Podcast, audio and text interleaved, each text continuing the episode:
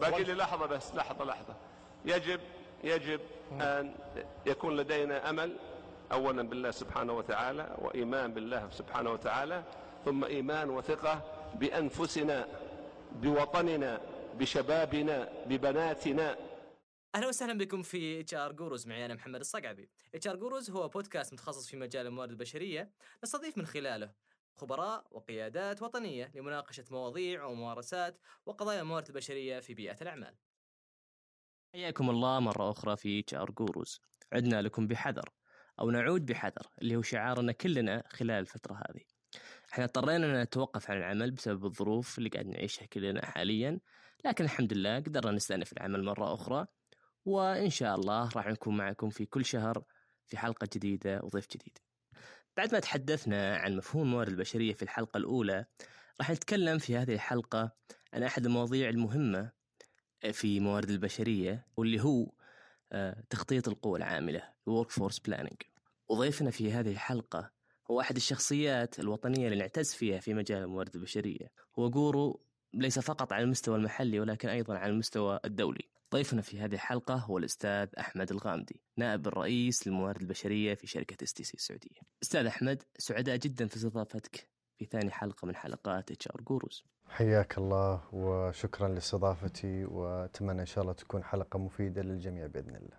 طيب أستاذي بالنسبة ل workforce planning اللي هو موضوع حلقتنا لهذا اليوم يعني يقال إنه الصينيين أثناء بناء سور الصين العظيم كان عندهم workforce planning وفترة الستينات وفترة السبعينات هذه بدأ يظهر بشكل كبير في في في عالم ال business لكن تحس كذا قبل عشر سنين 15 سنة انتشر بشكل كبير جوا المنظمات. وصار على كل لسان يعني زي ما يقولون. فخلينا نعرف ليش أو وش سبب الانتشار الكبير لل workforce planning مؤخرا. اولا بسم الله الرحمن الرحيم والصلاة والسلام على نبينا محمد. طبعا تخطيط القوى العامله أو ال workforce planning دائما مرتبط بدورة حياة المنظمات. في السابق كانت دورة حياة المنظمات آه، تعتبر طويلة يعني كنا نسمع عن الخطة الاستراتيجية العشرية الخمسية. الخطط الاستراتيجية تكون بشكل طويل. الآن نادرا ما نسمع عن خطة استراتيجية تزيد عن ثلاث سنين. فبالتالي أصبح آه، ارتباط آه، تغيير الاستراتيجيات بتخطيط القوى العاملة بشكل قوي جدا. وهذه النقطة اللي ودي نبدأ نقاشنا فيها ونبدأ حلقتنا فيها هو مدى ارتباط تخطيط القوى العاملة باستراتيجية أي منظمة في العالم. يعني هناك نتائج آه، لعديد من الدراسات آه، من قبل بيوت خبرة عالمية. في كافة المجالات أنه هناك انفصال متكرر ما بين استراتيجية المنشأة واستراتيجية آه، الموارد البشرية.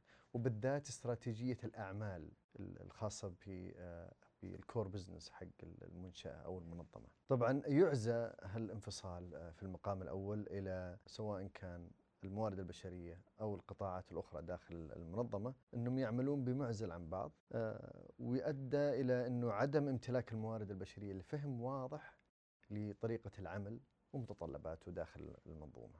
صار كذا أنه كثير يتهم أنه الموارد البشرية وظيفتها reactive فقط تقوم بتنفيذ الطلبات. آه، كل ما تقوم به فقط هو ردة فعل. آه، تشير مصطلحات آه، أخرى أنها back office ولا مركز تكلفة أو دعم. وهذا يدل على أنه يعني أصبحت الموارد البشرية يعني تتراجع إلى مراكز الظل في فترة من الفترات. مع ذلك الموارد البشرية لديها إمكانيات هائلة لإضافة قيمة مضافة لأي منظمة إذا ما تم الاستفادة من مواردها بشكل جيد. وبالذات إذا كانت تدير العمل جنبا إلى جنب مع رأس الهرم في أي منظمة. يعني في في مواضيع كثيرة يعمل عليها الموارد البشرية مثل التعاقب الوظيفي وتخطيط القوى العاملة اللي يعتبر آه، مواضيع جدا مهمة ليست فقط للقيادات المنظمات وإنما حتى بعض الأحيان لمجالس الإدارات.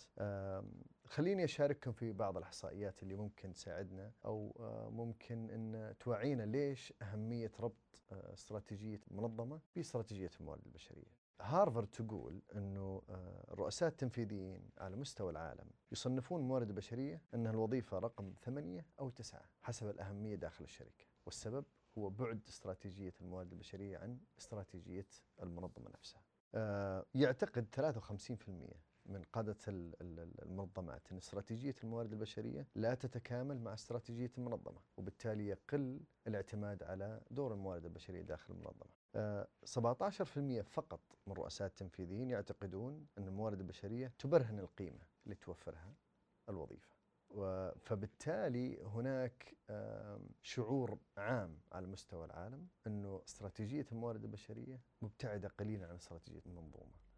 ولما نقول استراتيجية الموارد البشرية نع- آه، نعني بذلك كافة الاستراتيجيات التي تندرج تحتها ومنها استراتيجية آه، القوة العاملة طيب جميل. فرضا إحنا الحين في أحد المنظمات ونبي نشتغل على workforce planning فوش هي المفاهيم؟ وش التارجتس الأسس أو الأهداف المرجوة من آه، إجراء أو العملية هذه؟ طبعا علشان نتأكد إنه آه، الربط سليم بين أهداف المنظمة وأهداف الموارد البشرية. يمكن لابد من محترفين الموارد البشرية أنهم يقضون وقت أطول مع زملائهم في المنظومة لفهم طريقة العمل. آه، طريقة العمل والتحديات العامة في أي منظومة. طبعا ويكون جزء لا يتجزأ اولا في وضع استراتيجية المنظمة حتى يتسنى لهم في الأخير فهم طريقة عمل المنظمة وبالتالي صياغة استراتيجية آه، الموارد البشرية. يعني إشراك القادة واشراك كافة ال- الموظفين آه، داخل المنظومة وداخل أي منشأة؟ هو جزء مهم جدا في آه، نجاح أي استراتيجية داخل الموارد البشرية. وإحنا نعرف إنه ال- الاستراتيجيات آه، تتم آه، بعد عمل مضني ومجهد. وتقضي بعض المنشآت عدد ساعات وأيام ويمكن شهور آه، طويلة. اللي عمل استراتيجيات تغير فيها طريقة عملها. ولكن في نهاية المطاف بغض النظر عن التفاصيل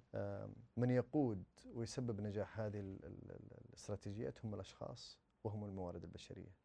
فبالتالي لابد أن يكون الموارد البشرية هو جزء لا يتجزأ من آه، عمل استراتيجية المنشأة. فبالتالي آه، يبدأ من هنا نقطة العمل داخل داخل الموارد البشرية بالربط وهناك آه، نظرية يمكن أول من تكلم عنها هو العالم المشهور ديف أولريتش اللي سماها أوتسايد إن أو أعتقد أن اسمها باللغة العربية اللي هي دراسة ال- النهج الداخلي.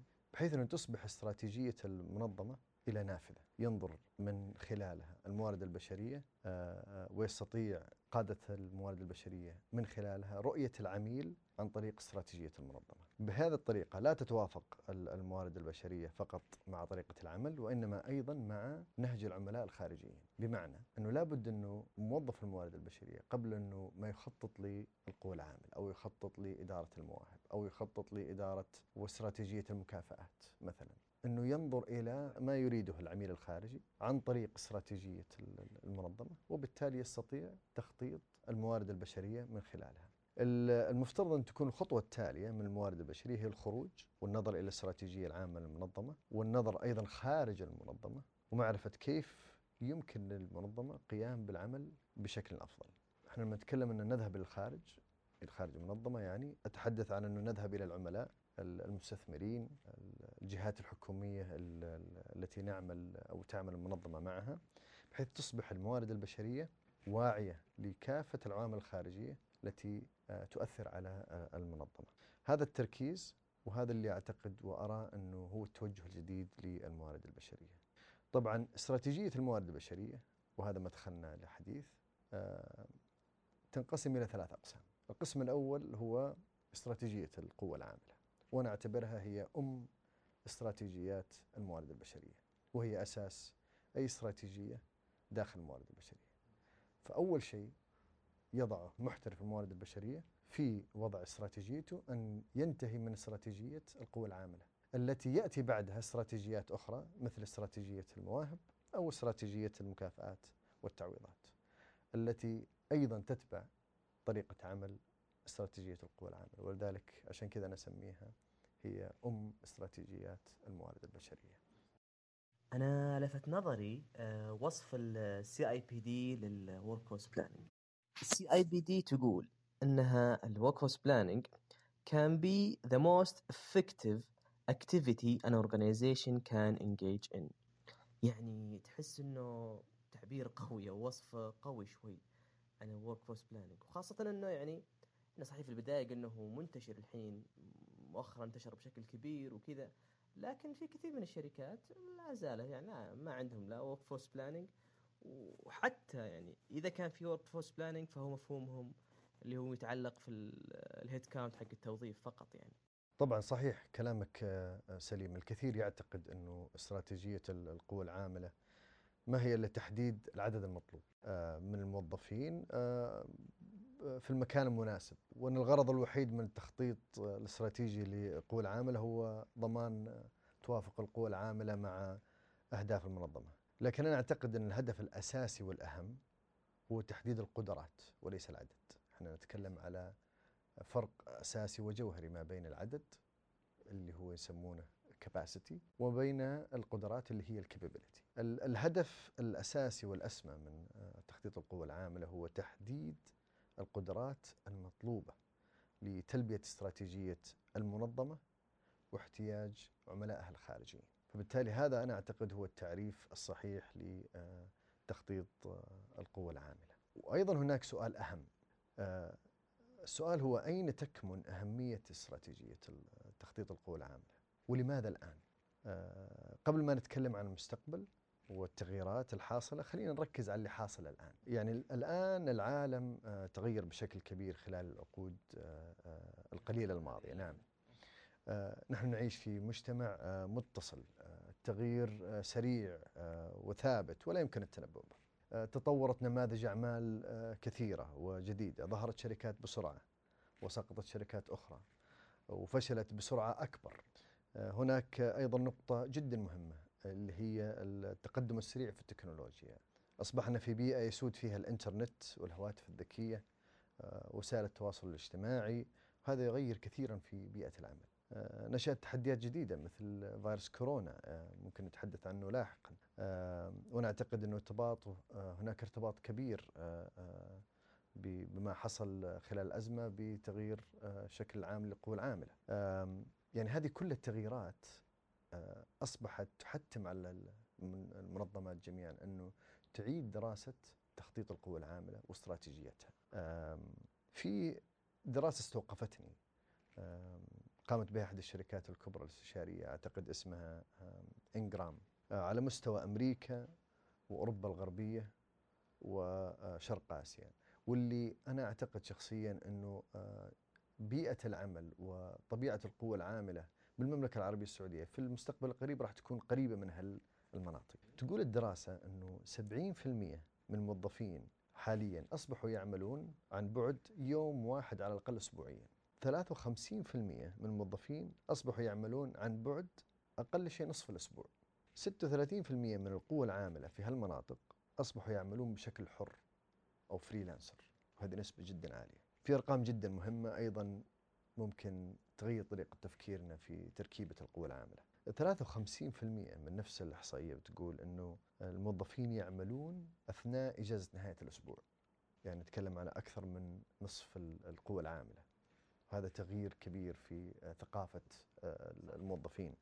آه، أيضا 52% يعني تقريبا المنتصف من الموظفين يعملون خارج أوقات الدوام الرسمية بدون أوفر تايم آم، 54% أيضا أكثر من النصف من الموظفين يعملون حتى وهم مرضى. هذه هذه المعلومات لو تقولها لأحد كان يشتغل قبل 10 سنين أو 15 سنة بيقول لك لا مستحيل. فهذه كلها تغييرات لابد أن نضعها في الحسبان أثناء دراستنا للسوق.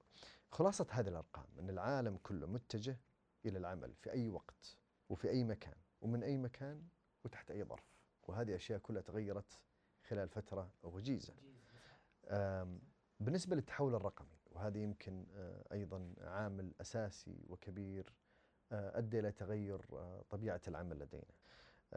السؤال هو كيف يرى الموظفين هذا التحول الرقمي؟ يرى البعض أنه إيجابي والبعض يرى أيضا أنه سلبي. السؤال اللي دائما يطرح لي هل ستحل التكنولوجيا محل البشر؟ هل ستولد وظائف أخرى أو ستلغى وظائف؟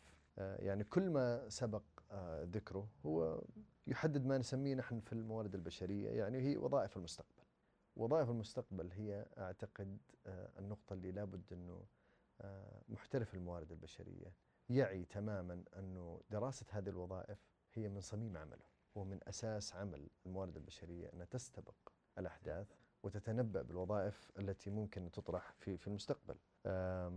اللي بيحدد نظرتنا إلى وظائف المستقبل آم، أنا أعتقد أن خمسة محاور رئيسية آه، ودي أتكلم عنها بشكل آه، موجز آه، وسريع. ال- الخمسة محاور الرئيسية اللي بتحدد وظائف المستقبل وخاصة آم، خلال المستقبل القريب هي التقدم التكنولوجي السلوكيات الجديدة التي طرأت على بيئة العمل جيل الألفية أو الميلينيوم المرونة والتنقل في العمل من مكان إلى آخر. وأخيرا اللي هي ال- العولمة. لو حبيت أتكلم عنها بشكل سريع فقط وأبغى أبدأ بالتقدم التكنولوجي لأنه هو اللي يمكن يعني آه، حاليا متصدر ال ال ال ال ال الأخبار. نعم. آه، يكفي أنه نعرف أنه 52% اليوم 52% من بين أغنى 500 شركة في العالم من عام 2000 إلى الآن يا أفلست يا تم دمجها أو أجبرت على التصفية. وكل هذا بسبب ما يسمى الاضطراب الرقمي. نتكلم عن الاضطراب الرقمي اللي حصل البيانات الضخمة ال big data الحوسبة السحابية إنترنت الأشياء الروبوتات الأتمتة آه، وغيرها من التقنيات. كل يوم بيطلع لنا تطبيق جديد كل يوم بيطلع لنا تكنولوجيا جديدة تغير طريقة آه، عملنا وحياتنا حاليا يقدر أنه 35 يوم فقط هو ما تحتاجه أي تقنية جديدة كمتوسط أن تصل إلى 50 مليون مستخدم. هذا على مستوى العالم كمتوسط 35 يوم هي ما تحتاجه تقنية جديدة لتصل إلى 50 مليون مستخدم. انتشار جدا رهيب. يعني الحوسبة السحابية ما خلت أي تكنولوجيا اللي هي بيد أي موظف على مستوى العالم. ال- البيانات والتحليلات الضخمة اللي هي ال big data تعطينا رؤية رؤية مختلفة تماما عن طريقة آه، عملنا. آه، تجعلنا يعني نرى طريقة عملنا بطريقة مختلفة وتقيس مدى كفاءتنا بشكل مغاير. في ال World Economic Forum المنتدى العالمي الاقتصادي أصدر تقرير جدا مثير عام 2019 يتكلم على إنه آه، يتكلم عن تقريبا ضياع 2 مليون وظيفة في مجال التصنيع والإنتاج فقط بسبب التكنولوجيا. وهناك ما يقدر ب 7 ملايين وظيفة إدارية راح تفقد خلال ثلاث سنين القادمه وظائف ما أتكلم عن عدد. آه، طبعا من الجانب الآخر هناك ملايين الوظائف اللي آه، راح تبرز فيها فرص جديدة وخاصة الوظائف اللي تتمحور حوالين تحليل الأعمال آه، والبيانات التجارية والمالية. وأحب أطمن زملائي في الموارد البشرية إنه وظائف الموارد البشرية ليست من الوظائف التي سيحل أو بيكون سهل إحلالها إن شاء الله. ال- الموضوع الثاني هو أو المحور الثاني هو بعض السلوكيات ال- الجديدة اللي طلعت لنا، يعني قبل عشر سنين آه، لو لو أحد قال لك إنه بيكون كل المعلومات عنك حتكون متوجد متواجدة بشكل عام ولا بابليك كل الناس تقراها تسمع عنها وتشوفها ما كان تصدق الآن كل واحد عنده صفحة يتكلم فيها عن نفسه يتكلم فيها عن هواياته عن حالته الاجتماعية الفريق اللي يشجعه. قبل عشر سنين هذا كان شيء صعب. الآن هذا كله بيغير طريقة عملنا. مو بس كذا إحنا الآن ما هو فقط نضع آه، معلوماتنا public بس إحنا مرتاحين كمان. مرتاحين وصلنا اللي ما يسمى بال public life نبني مجتمعات و- و- ونتشارك ونتواصل آه، ونتعاون كله عن طريق ال public life هذه. آه، كل السلوكيات هذه الجديدة تنطبق على المنظمات. آه، يجبرنا نحن كموارد بشرية ان ندرس الشيء هذا. ونقوم دائما بإجراء تغييرات للحفاظ على سير العمل بدون تأثير هذه السلوكيات علينا. ما أراه صراحة انه إنه نركب الموجة على قولتهم. آه، نستفيد من هالسلوكيات الجديدة. آه، نطوعها لخدمة ال- المنشأة. آه، فإذا كان الأفراد آه، بالمنظمة وسعهم مشاركة مثلا معلوماتهم مع العامة فبالتالي هناك فرص أقل وأفضل عفوا لاستقطاب يعني أنا ممكن أستقطب الآن بطريقة أفضل لأنه everything is public كل شيء موجود على الببليك. ال- المحور الثالث ويمكن هذا هو المحور المثير للاهتمام ويهمنا جدا في السعودية اللي هو جيل الألفية. جيل الألفية وخاصة في في دولة آه الحمد لله ربي حبانا بنسبة كبيرة وعالية من الشباب تقدر بما إيه نعم أكثر من 70% من الشعب يعتبرون آه يعني جيل شاب. يعني الدراسات تقول إنه بحلول عام 2020 نهاية عام 2020 يعني نهاية إن شاء الله السنة هذه بيكون جيل الألفية يمثل 50% من القوى العامله على مستوى العالم. في عام 2025 بيمثلون 75% من القوى العامله. وهذا بيكون أكبر جيل موجود في السوق منذ بداية التاريخ. آه هذا الجيل من الموظفين يتحدث التكنولوجيا بطلاقة أو يسمونه technological fluency. هذا بيغير طريقة العمل بشكل رهيب. خلينا نتكلم عن هذا الجيل بشكل خاص في المملكة العربية السعودية.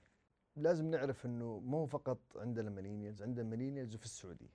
يعني هذا يعطيها خصوصية كمان أكثر. آه، إحنا نتكلم على أنه 70% مثلا من سكان المملكة يعني نتكلم عن 22 مليون آه، يستخدمون الإنترنت. ترى هذه نسبة جدا عالية على مستوى العالم. آه، أعتقد أنها من Hootsuite survey عالمي آه، موجود على في الإنترنت. يقول لك إنه 59% من سكان المملكة يعني تتكلم على 19 مليون تقريبا يستخدمون شبكات التواصل الاجتماعي. فبالمعلومة هذه البسيطة أنت ممكن تقول أنا كيف أوصل وكيف أتعامل مع ال millennials في المملكة العربية السعودية؟ عن طريق شبكات التواصل الاجتماعي. ال- الطريقة التقليديه للتوظيف أعطيني ال CV أسوي لك مقابلة شخصية آه، اسالك اسئله تقليدية. لا تعتقد أن هذه الطريقة المثلى لاستقطاب آه، شاب أو شابة millennial متميز أو متميزة بل يبحثون عن شيء مختلف تماما. هذول الموظفين الجيل القادم هم من سيقود التغيير في المملكة العربية السعودية. شئنا ما بينا. آه، لاحظت أنهم يميلون دائما إلى أنه زيادة سقف التطلعات. يعني تطلب منه شيء ابغاه بكرة يخلصه يمكن اليوم. آه تقول له مثلا أنا أبغاك تسوي كذا يقول لك لا هذا شيء بسيط أبغى أفضل. آه أيضا دائما يطلبون منا العمل بمرونة. ما يبغى عدد ساعات معينة. آه ما يبغى مثلا الحضور إلى المكتب دائما. يقول لك والله خلوني أنا مثلا أداوم في البيت ولك مني آه إنتاجية. خلينا نتكلم عن الانتاجيه لا تكلمني عن الحضور والانصراف. بالتالي استراتيجية القوى العامة لابد أن تضع ذلك في الحسبان.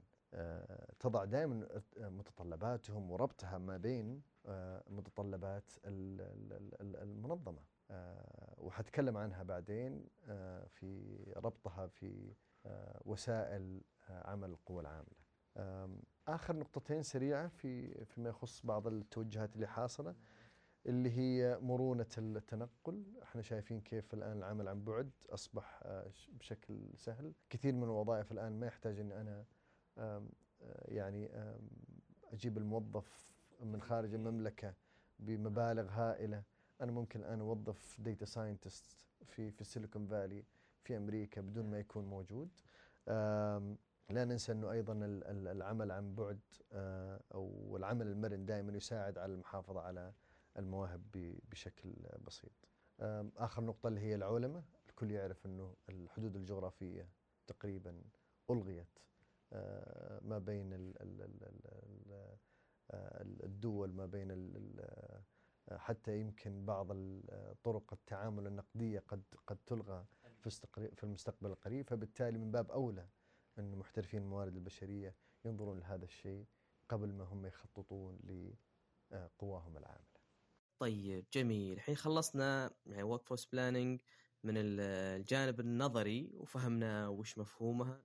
خلينا ننزل على أرض الواقع. خلينا نشتغل بشكل عملي ونقول وش الخطوات العملية اللي لازم أسويها إذا جيت أسوي الورك فورس بلاننج جميل. أنا يعني أسميها آه، خطة أربعة في أربعة في أربعة. هناك آه، أربع محاور رئيسية لابد من قياسها. اللي تساعدنا بعدين أن إحنا آه، نقوم بعملية التخطيط آه، قوى العاملة بناء على أربع مجالات رئيسية اللي تساعدنا بعدين للحصول على أربع شرائح رئيسية. التخطيط الاستراتيجي للقوى العاملة آم، أولا هو عملية مستمرة ليست عملية فقط اليوم لابد أن تكون مراجعتها بشكل دوري من وقت إلى آخر فهي عملية مستمرة لابد أن نتفق على الشيء هذا. وأساسها هو فهم اتجاه المنظمة. ليس اتجاه الموارد البشرية ولكن اتجاه ال- المنظمة. نحن بالموارد البشرية نحتاج أن نقيس أربع محاور رئيسية. المحور الأول اللي هو القدرة المناسبة أو الكباسيتي العدد. لابد أن نحدد العدد الصحيح للقوة العاملة المطلوب لتلبية احتياجات العمل. هذا أول شيء. ال- المحور الثاني اللي هو الكفاءة الكباسيتي. ما هي المهارات والسلوكيات المطلوبة لتحقيق استراتيجية المنظمة. المحور ال- الثالث الوقت المناسب. ما هو الهيكل التنظيمي المناسب؟ ومتى أوظف؟ ومتى ال- القوى العاملة والمهارات المناسبة للمنظمة؟ هناك وقت مناسب. ليست خلاص أنا سويت الاستراتيجية اليوم أبدأ أوفر. لابد من تحديد الوقت المناسب. المحور الرابع المهم هو التكلفة.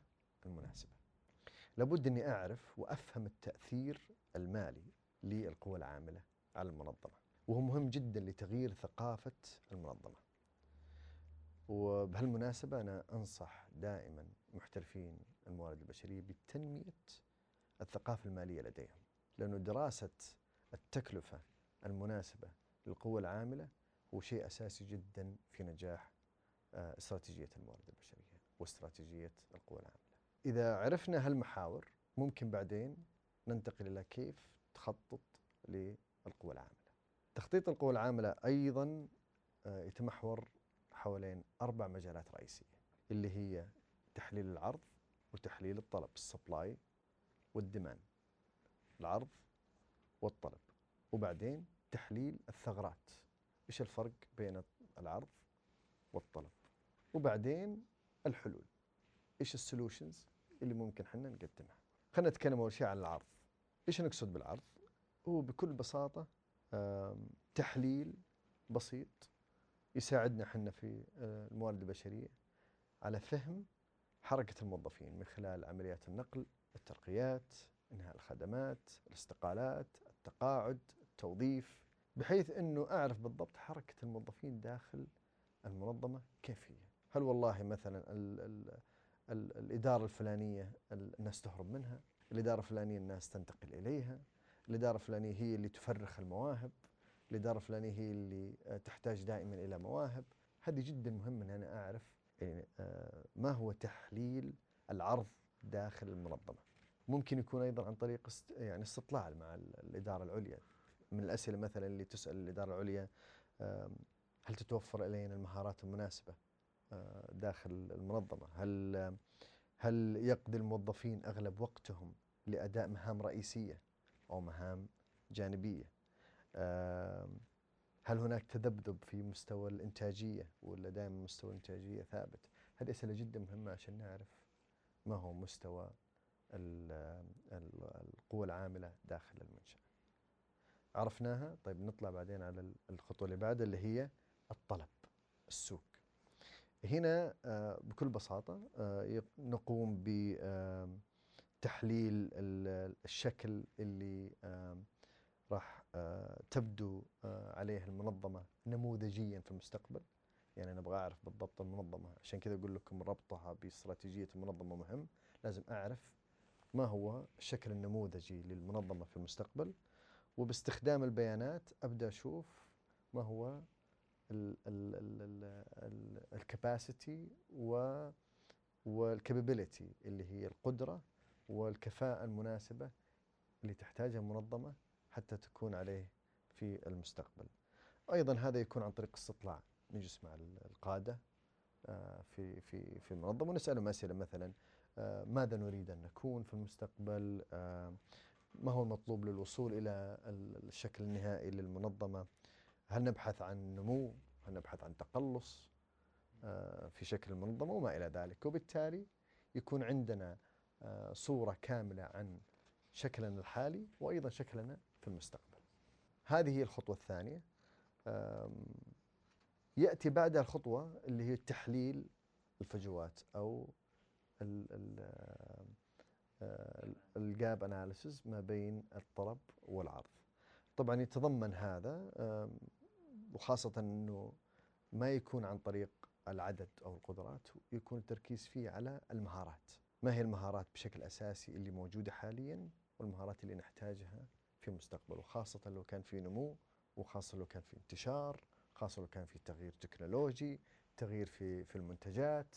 فبالتالي يكون هناك تغيير في المهارات الأساسية التي تحت تحتاجها المنظمة.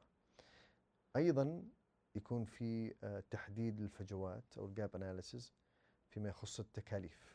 ندرس التكاليف إذا كان هناك تكلفة المهارة الأساسية في الموظف الحالي هي كذا وتكلفة جلب المهارة الأساسية في المستقبل هي كذا فهذا يساعدنا أيضا في تحديد الفجوة أو ال gap analysis فيما يخص التكاليف آه، المالية. آخر خطوة هي طب ما هي الحلول؟ أو تحليل الحلول الممكنة اللي ممكن آه، نقدمها عن طريق آه، تخطيط القوى العاملة. وهذا دائما يتم عن طريق أسئلة نسألها دائما فيما بيننا كمحترفين موارد بشرية ونشرك فيها بعض القادة داخل المنظمة. من الأسئلة مثلا اللي تسأل آه، ما الذي تستطيع أن تتحمله المنظمة؟ يعني ما هي الطاقة الاستيعابية المنظمة من ناحية المكان والتكلفة. مثال إذا أنا أحتاج أوظف ألف هل أنا أقدر أستوعب الألف؟ من ناحية مكان من ناحية تكلفة من ناحية آه، إدارة. لما أوظف ألف معناته أحتاج سوبرفايزرز أحتاج مدراء وأحتاج كذا. فليست فقط تكلفة مادية ولكن تكلفة كاملة استيعابية. هل يجب علينا بناء شراء ولا استعارة هالمواهب؟ هذه من الأسئلة اللي لابد أن إحنا نسألها علشان نعرف بالضبط ما هو توجهنا آه، لبناء الحلول بعدين. هل آه، بنبحث عن مرشحين جاهزين؟ على قولتهم plug and play ولا بنجيب مثلا حديثين تخرج ونبدا ندربهم ونبني المستقبل؟ هذه كلها استراتيجيات مهمة لابد أن إحنا نسأل ونشوف الأفضل والأسرع. إذا كان مثلا المنشأة تحتاج إلى نمو سريع حاليا ممكن ما ما عندها القدرة للصبر إنها توظف ناس وتدربهم، لكن إذا كان هناك فرصة للتقدم مثلا ما كان ال gap في المهارات كبير اللي تحتاجه، هناك gap بسيط، ممكن إنها تعيش بالاثنين، تستقطب ناس ذو مهارات أساسية وقوية plug and play، وناس ممكن تدربهم ويستمروا معاها على على مستوى السنين، فيعتمد دائما عشان كذا ال gap analysis تجي قبلها كمرحلة وبعدين تأتي مرحلة آه، تحليل الحلول. إذا خلصنا من أربعة الخطوات هذه نستطيع بعدها تقسيم المنظمة إلى أربعة أقسام رئيسية وهذه هي المرحلة النهائية. أي منظمة فيها أربع شرائح. يتم تحديدهم عن طريق عاملين رئيسيين اللي هو مدى تأثير هالوظائف بشكل مباشر على عمل المنظومة ومدى شح الوظيفة بسوق العمل وكثرة الطلب.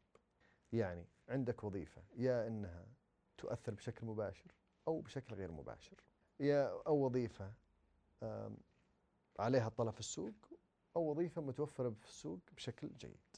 فبالتالي دراسة الشيء هذا بيقسم الوظائف إلى أربع أنواع. النوع الأول هو الوظائف الحرجة. الوظيفة الحرجة اللي لها تأثير مباشر على عمل المنظمة الرئيسي والطلب عليها كبير بسوق العمل.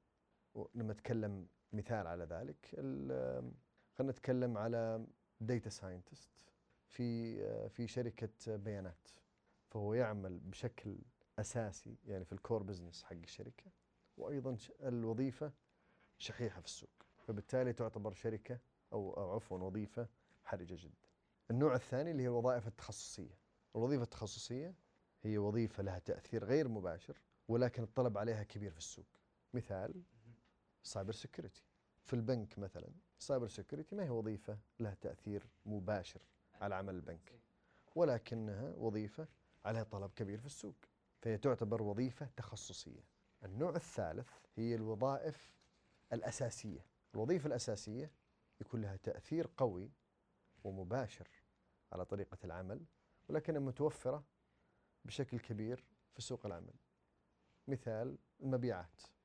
وظيفة المبيعات وظيفة أساسية هي اللي توفر خلينا نقول الدخل للمنشأة ولكنها متوفرة وسهل دائما توظيف الشريحة هذه لكنها وظيفة أساسية. آخر شريحة اللي هي وظائف الدعم. وظائف الدعم هي وظائف لها تأثير غير مباشر ومتوفرة بشكل جيد بسوق العمل. فبالتالي إذا كان عندنا هالأربع شرائح يسهل بكل بساطة آه، وضع الشركة خريطة الشركة على هالأربع شرائح. نعرف بالضبط والله مثلا 10% من الوظائف عندي هي حرجة 5% هي وظائف أساسية آم، 20% هي وظائف تخصصية والباقي مثلا وظائف دعم. ومن من العادي جدا أن يكون وظائف الدعم تمثل من 40 إلى 50% من الوظائف اللي في في المنشأة. ولكن آه، بناء على هل التقسيم تتم استراتيجية القوى العاملة وأيضا يرتبط فيها استراتيجية آه، المواهب بناء المواهب وأيضا استراتيجية المكافآت والتعويضات. يعني إذا تم تحليلها بهالطريقة ممكن نحدد بكل بساطة استراتيجية البناء الشراء أو الاستعارة. مثلا آه، لابد أني أبني دائما آه، الوظائف الحرجة. لابد أن تكون عندي موجودة فلا بد أني أبني ولا أستعيرها. لكني أستعير مثلا الوظائف اللي ممكن يكون تصنف إنها من وظائف الدعم. هذه بكل بساطة هي مراحل اللي أنا سميتها أربعة في أربعة في أربعة لبناء تخطيط آه، القوى العامله.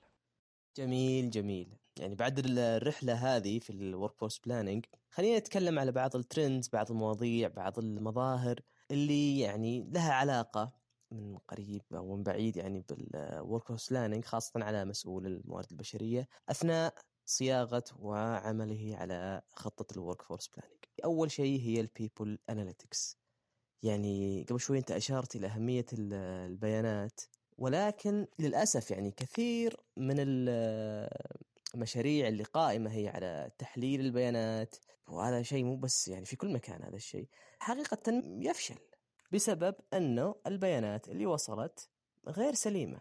ف وش اللي يعني آه، أقدر أسويه أنا؟ كمسؤول موارد بشرية بحيث إني أتأكد من أن فعلا البيانات اللي عندي reliable enough وأقدر فعلا أبني وأشتغل عليها. وأقدم عاد بعدين عاد آه، حلول أو مبادرات تحسينية.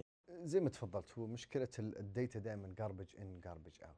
في الكثير من ال- البيانات اللي موجوده في في أغلب الأنظمة هي بيانات يعني آه، لم يتم آه، تنظيفها بشكل سليم.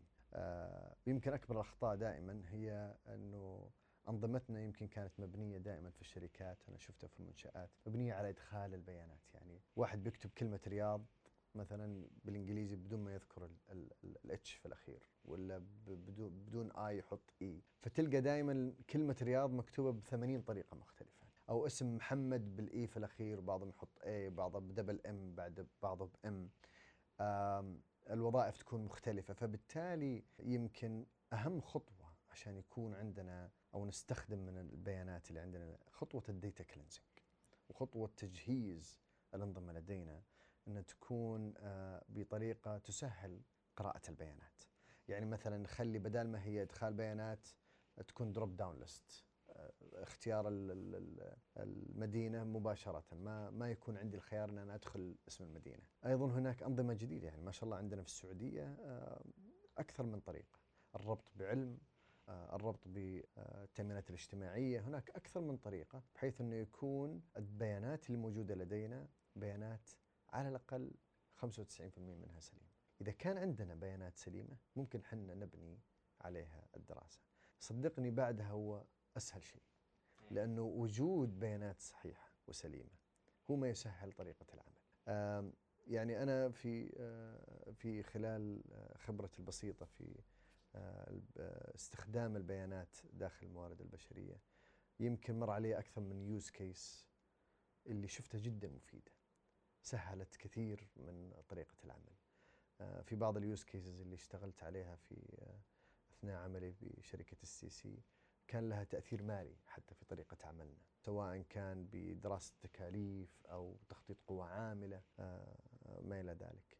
الآن التوجه هو وجود حتى إدارة أقل شيء أو وحدة إدارية دائما تكون متواجدة داخل الموارد البشرية لدراسه تحليل البيانات هذه.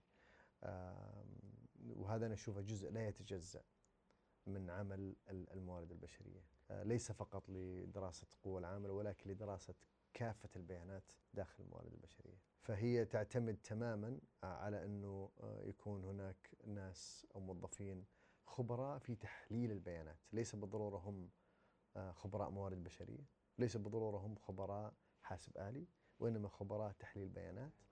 آه، وهي آه، يعني آه، وظيفة أعتقد أنها متواجدة في السوق. آه، ممكن بنائها بشكل بسيط آه، داخل الإدارات. لكن نرجع ونقول أنه الهدف والأهم من ذلك هو حصول على بيانات سليمة وصحيحة قبل ما نبدأ حنا في تحليلها. طيب في trends أو مواضيع ثانية اللي هي ال AI وال automation أنا على فكرة سويت يعني وأنا أبحث لقيت موقع خطير صراحة اسمه Will Robot Take My Job يعني الموقع يقول لك ادخل فيه وحط مثلا أنت lawyer يقول لك والله أنت بعد يعني 20 سنة كذا خلاص وظيفتك. ويعطيك النسبة ويقول لك متى راح وظيفتك راح تلتغي يعني موقع خطير صراحة. وأنا قاعد يعني أصيغ ال workforce planning للسنوات الجاية.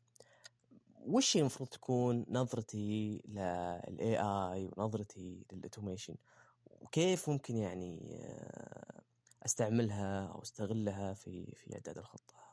آه، هو يعني لابد إن إحنا نتفق إنه هذا شيء غصبا عنا يعني ولابد نركب الموجة. آه، الاستفادة منه هو أفضل من إنك إنك تشوفه وتقول له ما راح أستفيد منه وفي الأخير غصبا عنك راح تستفيد منه.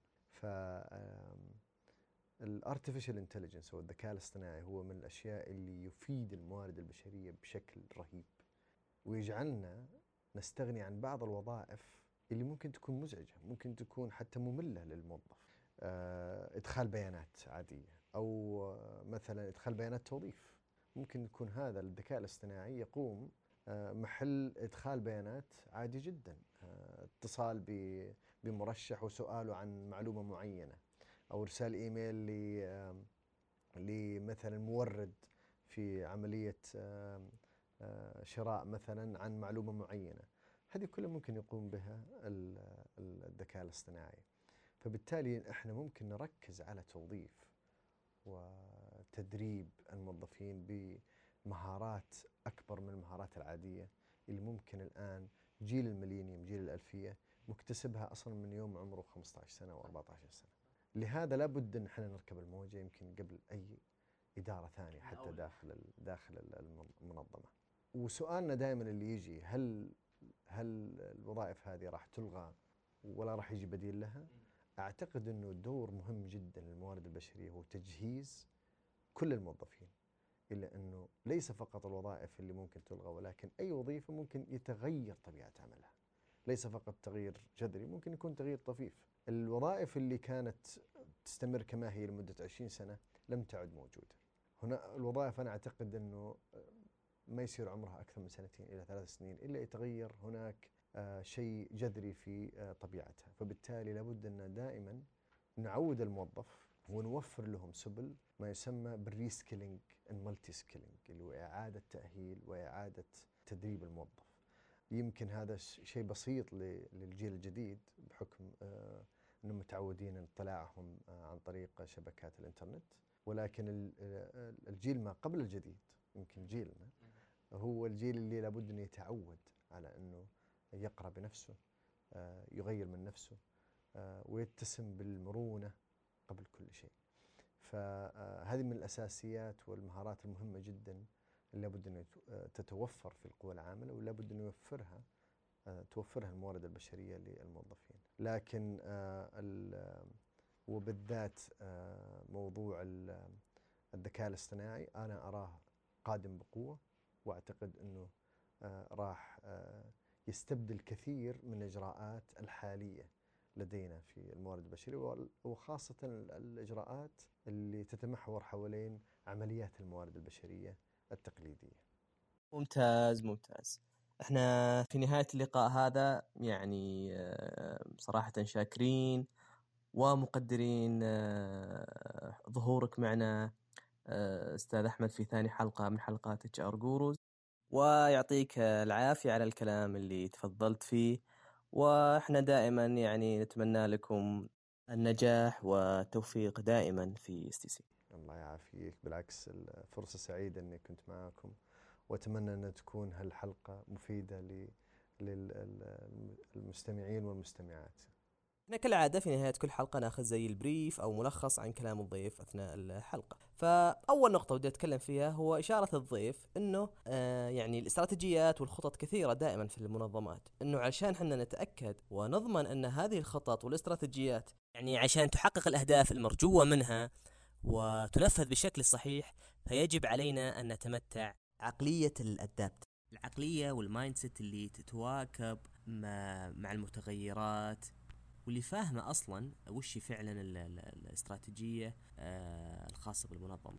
وبعد كذا عاد نوصل للمرحلة اللي قال عنها الضيف أنه يصير نتحرك حنا بناء على رغبات آه، العملاء. فيصير مسؤول الموارد البشرية يتحرك على الجهات هذه كلها. بعد كذا النقطة الثانية هي نقطة استراتيجية الموارد البشرية اللي هي عبارة زي ما قال الضيف عبارة عن ثلاث استراتيجيات. والاستراتيجية الأم هي استراتيجية ال workforce planning اللي تطلع منها استراتيجية المواهب وتطلع منها استراتيجية المكافآت. فبالتالي ما راح يكون شغلنا كويس في ال talent أو شغلنا كويس في ال compensation إذا كان عندنا قصور أو إشكال أو آه، يعني خلل معين في تنفيذنا لاستراتيجية ال workforce planning نقطة ثالثة هي تحديد القدرات المطلوبة وليس الأفراد. وهذا فعلا آه، مفتاح للوصول إلى احتياج العملاء كيف ممكن أتحرك. النقطة الرابعة هي ال- الخطة العملية لتنفيذ الموارد البشرية اللي هي خطة آه، أربعة أربعة أربعة. يعني خطة شاملة ووافية جدا جدا أنا أشوف صراحة. وأنا إن شاء الله يعني راح أنزلها آه، خلال الأيام الجاية راح أرسمها وننزلها إن شاء الله في صفحتنا كرسم بياني. وفي آخر فقرة اللي كانت عن ال trends والمواضيع ال- ال critical آه، بالنسبة لل workforce planning في جزئيتين. جزئية أهمية ال clean data بالنسبة لل workforce planning وفي جزئية ثانية حلوة برضو اللي هي يوم تكلم الضيف وقال إنه طبيعة الوظائف يمكن تتغير. وهذا سؤال كبير أو بيج كويستشن زي ما يقولون. يعني ممكن فعلا كل واحد يمكن يسأل نفسه ويشوف أنا يعني وش ممكن يتغير في طبيعة وظيفتي بعد عشر سنوات من الآن. مسؤول الموارد آه، البشرية لازم دائما يكون سابق. كانت هذه نهاية الحلقة الثانية. أتمنى أنكم استفدتوا واستمتعتم. شكرا جزيلا. كما قال وأردد ما قال سمو الأمير خالد الفيصل مكاننا الطبيعي في الصف الأول من العالم الأول. وشكرا.